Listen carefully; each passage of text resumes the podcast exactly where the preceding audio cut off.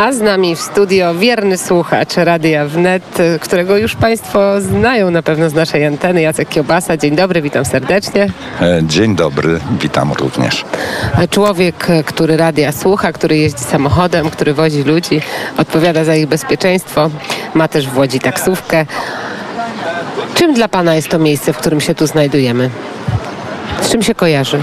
E, No, trudne to skojarzenia, bo chciałoby się powiedzieć, że kojarzy się z historią.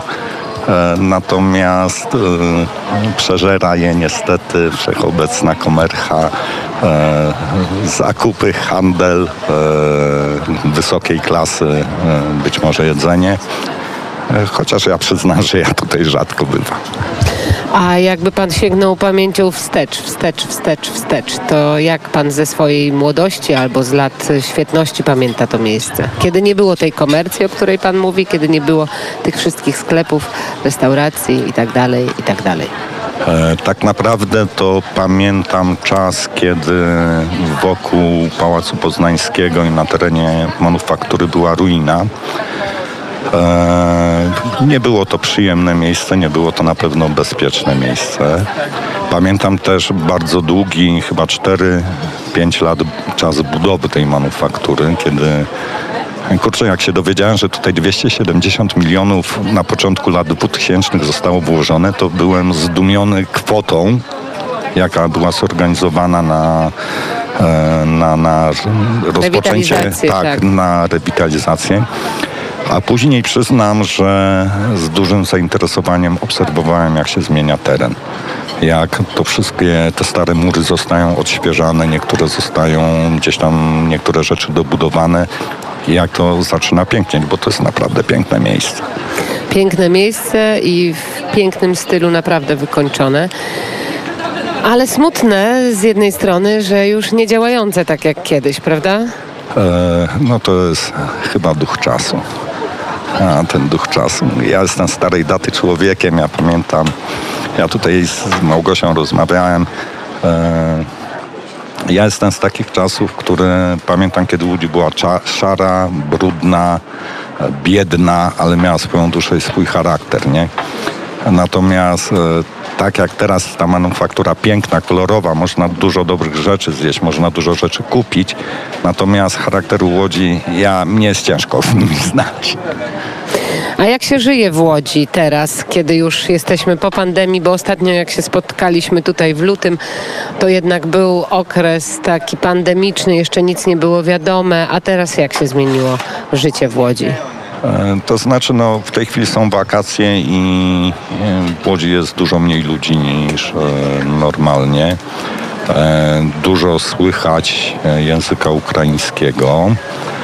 Życie toczy się w miarę normalnie, ale z punktu widzenia taksówkarza widzę, że ludzie mają mniej pieniędzy. Bardziej uważają na wydatki, bardziej, bardziej no chyba zaczynają oszczędzać. To wszystko na pewno związane jest z tym, co dzieje się, prawda, u naszych wschodnich sąsiadów. Mówię No, oczywiście o. Ukrainie, ale mówi się, że Łódź jest stolicą Ukraińców, to prawda? Po, polską stolicą Ukraińców. E, Nie słyszałem tego określenia, natomiast przed wojną oficjalnie było w Łodzi około 80 tysięcy. Oficjalnie. E, Nieoficjalnie to są takie szacunki, e, wiadomo, no, takich fachowców jak ja. Liczyliśmy około 120, teraz myślimy, że jest około 180. Około 200 tysięcy, tak? No tak się wydaje, legalnie i nielegalnie. Nie? Duża społeczność. Bardzo Zauważalna. duża. Są miejsca, gdzie wieczorami słychać e, głównie ukraiński język. E, paradoks, ulica Piotrkowska, w tygodniu po 11 w nocy też słychać głównie język ukraiński. Polacy śpią, bo idą następnego dnia do pracy. Tak się zmienia ta tkanka miejska i tak samo jak Państwo słyszą również yy, w Łodzi. W Warszawie jest podobnie. Nie ukrywam, że też bardzo dużo tego języka zaczę, zaczęliśmy słyszeć ostatnimi miesiącami. No a jak stan dróg, niech Pan powie, bo ja wyjeżdżając yy, tym razem od strony Wrocławia, nie od strony Warszawy, nie zauważyłam aż tylu dziur. Nie wiem, czy przez te ostatnie kilka miesięcy coś się zmieniło, ale mój samochód nie ucierpiał tak bardzo jak ostatnio. jechała pani dobrym wjazdem przede wszystkim, ale e, ja ostatnio dosyć krytycznie się wypowiadałem też na temat stanu dróg w radiu. I teraz pomimo moich wielu, wielu zastrzeżeń muszę powiedzieć, że e, coś drgnęło. E, Miasto wyasygnowało podobno 500 milionów na naprawę dróg w Łodzi w tym roku. I widać w wielu miejscach widać, że te naprawy przeprowadzają. Natomiast ja nie byłbym sobą, gdybym nie pomalkontentował troszeczkę. No to słuchamy. I moim zdaniem e, organizacja i sposób wykonania tych napraw to wołało pomstę do nieba. No i to nie jest tylko i wyłącznie moje. moje Dlaczego? Zła jakość, złe produkty, nie, złe surowce? Nie, nie. Jest takie skrzyżowanie, e, taka ulica traktorowa i remont e, był robiony, niedawno się zakończył i gdyby nie to, że było półroczne opóźnienie, to uważam, że to jest jedna z najlepszych inwestycji w ostatnich latach, jaka drogowa w Łodzi była zrobiona. Świetnie wykonana, bardzo funkcjonalna, naprawdę przy całym moim krytycyzmie do e, do, do tych wszelkich inwestycji ta robota była świetna. Natomiast zamykają bardzo duże obszary miasta e, bez możliwości wjechania lub wyjechania lub z bardzo utrudnionym. To wszystko wiąże się później z korkami, z utrudnieniami w ruchu, z wydłużaniem się czasu podróży, szukaniem, bo za, potrafią zamykać bez uprzedzenia, z szukaniem. My taksówkarze często gęsto wyjeżdżamy na miasto rano, jedziemy trasą, która powinna być otwarta i nagle się dowiadujemy, że tu jest objazd. Nie? Takie zaskoczenia są też e, Na co dzień. na co dzień w Łodzi. A jak ruch taksówkarski? Dużo jest taksówek.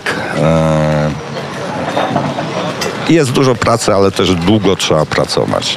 No, ja e, tak, żeby zarobić podobne pieniądze, które zarabiałem chociażby rok temu w maju, czerwcu, w lipcu, no to muszę gdzieś 20% czasu więcej spędzić na mieście. Deszcz zaczął padać. Hurra! W końcu Będzie ochłodzenie. chłodniej. Tak, będzie chłodniej. Zastanawiamy się, co robić. Jacek Kiełbasa, e, nasz słuchacz, e, który zawsze praktycznie, gdy jesteśmy w Łodzi, jest z nami. Bardzo dziękuję za rozmowę. Dziękuję również. Pozdrawiam Pozdrawiam. wszystkich słuchaczy. My również pozdrawiamy.